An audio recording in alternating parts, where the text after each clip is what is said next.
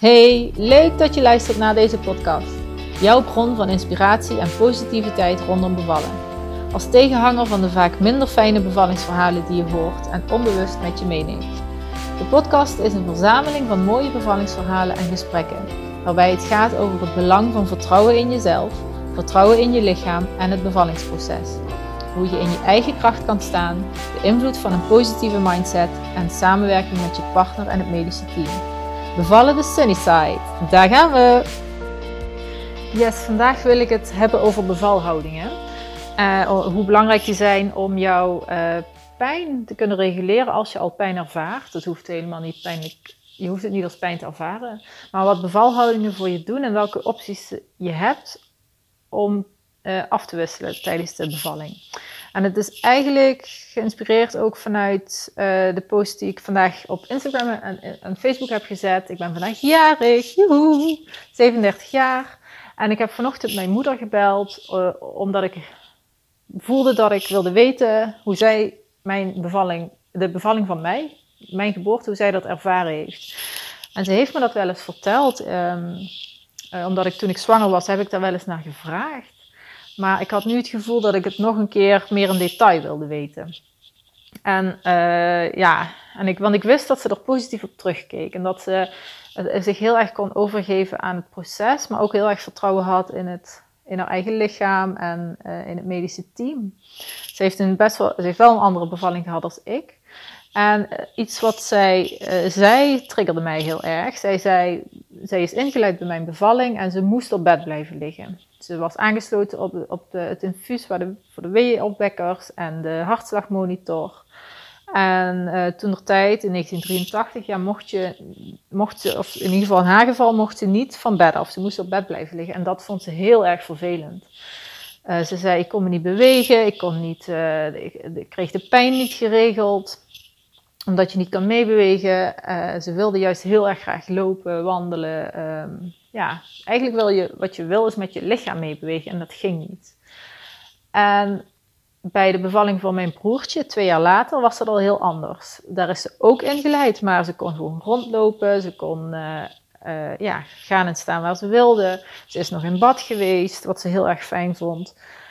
Dus ja, dat is eigenlijk al een groot verschil in twee jaar tijd.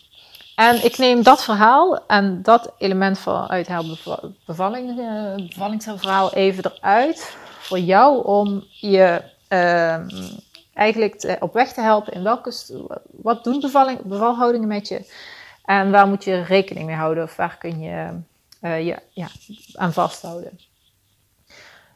De meeste bevallingen die je misschien op tv ziet of verhalen die je hoort van anderen, dan uh, hoor je of zie je dat vrouwen op hun rug liggen op bed en zo op die manier bevallen. En dat is eigenlijk de minst natuurlijke houding die je kan aannemen als mens. Als je kijkt naar de zoogdieren, wij zijn zoogdieren, uh, zoals een paard of een hond, een kat, een olifant, een giraf, die bevallen niet op hun rug. Ik heb nog nooit een paard op zijn rug zien bevallen. En alleen bij mensen, uh, bij ons uh, gebeurt dat wel, vooral omdat het uh, ook best wel praktisch is voor de verloskundige en de gynaecoloog. Die kunnen goed zien wat er gebeurt, die kunnen er goed bij. Maar voor, uh, voor je lichaam en je geest uiteindelijk en je energieniveau is het de minst fijne en minst, minst natuurlijke houding. Een ezelsbruggetje waar je aan vast kan houden als je straks als je gaat bevallen is UFO. UFO. De U staat voor upright, de F voor forward en de O voor open. Wat je wil is een upright, forward leaning, open houding. Welke houdingen zijn dat? Um, bijvoorbeeld een staande houding. Daarbij is je bovenlichaam recht, maar want je, ja, als je aan bevallen bent en je hebt weeën, je, je, je, zult niet uh, helemaal rechtop staan. Je zult merken dat je sowieso al wat meer die forward leaning beweging wilt maken. Dus dat je wat meer naar voorover gebogen wil zijn. Uh, wat je kan doen is dan uh, tegen een muur leunen. Dus dan sta je, dan maak je gebruik van de zwaartekracht. Al, al deze houdingen maken gebruik ook van de zwaartekracht. Uh, je, je hebt een upright bovenlichaam en forward leaning houding. En die forward leaning, die vooruitwaartse beweging, creëert uh, een kanteling in je bekken. Uh, naar voren. En als je, uh, misschien kun je, ik weet niet of je zit of staat, maar als je nu zelf je bekken even kantelt naar voren, dan, dan merk je dat je stuitje naar achteren gaat. En dat creëert die openheid die je graag wil. Die ruimte voor, ja, voor, voor je kindje om zijn weg te vinden door het uh, geboortekanaal. plus je kan meebewegen. Als je staat hangend tegen de muur of uh, hangend aan je partner of uh, aan de achterkant van het bed. Als je in het ziekenhuis bevalt bijvoorbeeld, dan uh, kun je ook makkelijk meebewegen met wat de weeën met je doen. Dus dat is één, een staande houding. Dan heb je bijvoorbeeld zitten of hurken. Daarbij is je bovenlichaam ook recht en je kan naar voren leunen. misschien met je handen op je knieën hangen of uh, uh, ergens ook tegen een muur aanhangen. Het ligt er een beetje aan waar je zit, op een stoel of misschien op de wc. Ik heb zelf best wel veel op de wc gezeten, omdat ik dat een hele fijne houding vond om de weeën op te vangen en daarmee om te gaan. Je kan ook meewiegen. En uh, eigenlijk ook weer automatisch wil je toch al wat meer naar voren leunen, waardoor je weer die kanteling in je bekken krijgt en een open, meer openheid creëert hurken of zitten, dus op het toilet. Je kan ook gebruik maken van een baarkruk. Dat is vaak wel in de laatste fase, denk ik. En je moet ook even checken of er een baarkruk aanwezig is in het ziekenhuis of dat de verloskundige die meeneemt als je thuis wil bevallen. Dat is een soort van halve maankruk uh, waar je op kan zitten. Daar kan je kindje op geboren worden. Je partner kan achter je zitten ter ondersteuning. En uh, ja, ze zeggen wel eens de beste bevalhouding, of, of ja, bevallen is net zoals poepen en die houding neem je dan best wel aan. Je kindje kan op die kruk geboren worden. Ik hoorde laatst dat ze in ziekenhuizen uh, in plaats van de baarkruk ook het, het, bed anders kunnen instellen. Elektrische bed. Uh, volgens mij de rugleuning omhoog en dan een voeten. Ik weet niet precies hoe dat zit. Maar er zijn, er zijn opties om zittend op bed te kunnen, of hurkend te kunnen baren. Uh, even kijken, staan, hurken zitten. Uh, stel je moet op bed blijven of je vindt het fijn om op bed te zijn. Dan kun je op handen en knieën gaan zitten. Dat is ook een hele fijne houding. Eigenlijk als je naar de dieren kijkt, is dat het, dezelfde soort houding. Op handen en knieën. Je zult merken dat je misschien ook wat meer voorover wil leunen door op je onderarmen te steunen. Of uh, um, ja, als, het bed, als je een elektrisch bed hebt, kun je ook nog iets met de, het, uh, dat, je, dat je het bed omhoog zet, zodat je daar meer op kan hangen. Dan heb je dus ook die upright position van je bovenlichaam en die forward leaning beweging die je kunt maken. En op handen en knieën creëer je sowieso 3 tot 4 centimeter meer ruimte in het bekken. En kun je ook meebewegen met de weeën. Je kan je benen ook naar voren en naar achteren zetten, waardoor je bekken ook een beweging maakt naar voren en achter. En dat kan ook helpen uh, bij de geboorte, bij de draai, die, de speeldraai die het kindje mag maken. Uh, en het is, ja, het is eigenlijk ook een hele fijne houding, vooral als je, aan, als je dicht bij bed of op bed uh, moet blijven. Dan heb je nog, als je dan op, je, op bed ligt, je kan er niet van af omdat je aangesloten bent op een monitor of, of om welke reden dan ook. Probeer dan op een zij te gaan liggen. Als je op een zij ligt, creëer, uh, creëer je ook weer 3 tot 4 centimeter meer ruimte in je bekken als je, als je been, uh, een van de, je bovenste been omhoog gehouden wordt. Dat kun je zelf doen. En daar kun je bij geholpen worden door je partner of uh, verloskundige of een verpleegkundige of wie er dan ook bij je bevalling is. Kijk wel even of dat fijn aanvoelt voor je bekken die houding, um, uh, ja, dat geldt eigenlijk voor alles. Voor al die houdingen, de beste houding is de houding die op dat moment voor jou het beste aanvoelt. De houding liggend op je rug kan. Worden, je kindje kan sowieso geboren worden als jij op je rug ligt. Het is alleen voor jou en voor je lichaam de minst fijne en minst natuurlijke houding. Omdat je gewoon minder kan bewegen. Zoals ja, mijn moeder had dat uh, ervaarde dat heel sterk, uh, waardoor het ook lastiger is om om te gaan met de pijn, omdat je lichaam aangeeft van, uh, ja, wil eigenlijk in die, in die motion, in die beweging, in die energie van de weeën meegaan. En dat gaat gewoon lastig. Maar je kunt absoluut, als je op je rug ligt, je kindje kan gewoon geboren worden, maar er zijn gewoon houdingen die veel fijner voor je zijn. En het ezelsbruggetje is UFO, upright, forward leaning position. die openheid creëert je bekken. Verder, waar je ook nog aan kan denken, is zo'n yogabal, zo'n grote bal. Die is ook al fijn tijdens de zwangerschap, maar als je uh, thuis bevalt of uh, in het ziekenhuis, kijk even of je zo'n bal in huis kan hebben. Daar kun je op gaan zitten. Dus dan heb je ook die zittende houding, die UFO-houding. En daar kun je op meebewegen heel makkelijk. Je kunt bouncen, wiebelen, wiegen, draaien, je heupen draaien. Uh, hij is van plastic, dus je kan er ook mee onder de douche als je dat fijn zou vinden.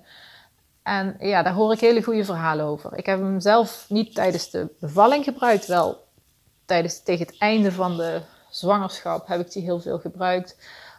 Omdat, nou ja, ik, wilde, ik dacht dat ik dan de zwaartekracht ook kon meehelpen en dat dat bouncen helpt om een kindje naar beneden te bewegen, zeg maar, dat de bevalling zou starten ik weet niet of dat, uh, of dat dan de reden is geweest, maar het was wel gewoon heel fijn. Omdat je, ja, het is een soort van stevigheid, maar ook flexibel. En je kan, uh, ja, die bewegingen die je kunt maken zijn gewoon heel prettig.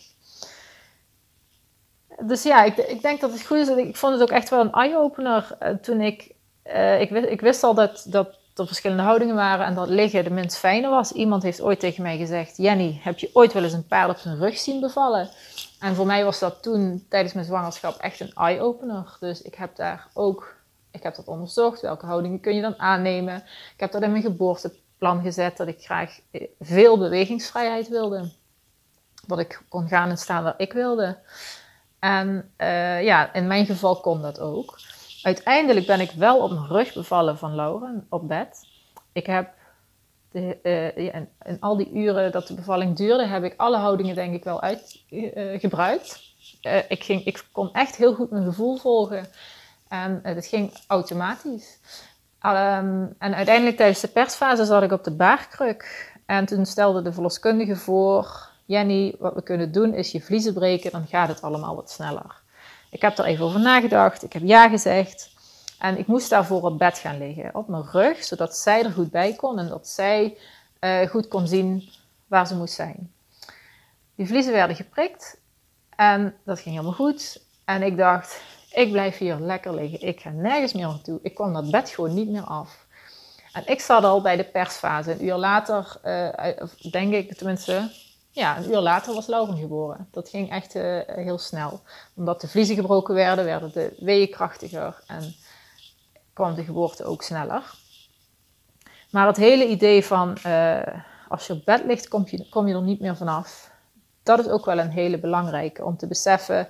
Als jij gewoon, als jij um, van houding kan wisselen, als jij al die houdingen kan uh, combineren, je gevoel kan volgen, dan eh, bespaar je echt energie. Dat geloof ik echt.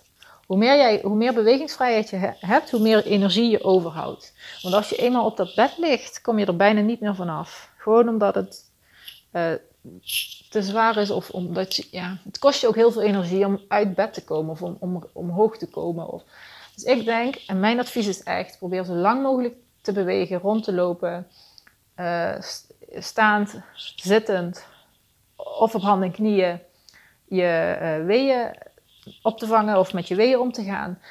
Probeer zo lang mogelijk te voorkomen dat je op je rug moet gaan liggen. En vooral als je in het ziekenhuis bevalt, als jij in het ziekenhuis wil bevallen, je komt aan in het ziekenhuis, je opent de deur van de bevalkamer waar jij gaat bevallen. En wat staat daar? Pontif pontificaal midden in de kamer, een bed. En als jouw uh, onderbewuste nog zo ingesteld is op, ik ga bevallen daar staat een bed, ik ga op bed bevallen, dus ik moet daar gaan liggen. Dan ga je al automatisch op dat bed liggen, terwijl je echt nog heel lang misschien niet hoeft te gaan liggen. Vraag je vriend om daar te gaan liggen met een boekje of de verloskundige, maar probeer zelf zo lang mogelijk van het bed af te blijven.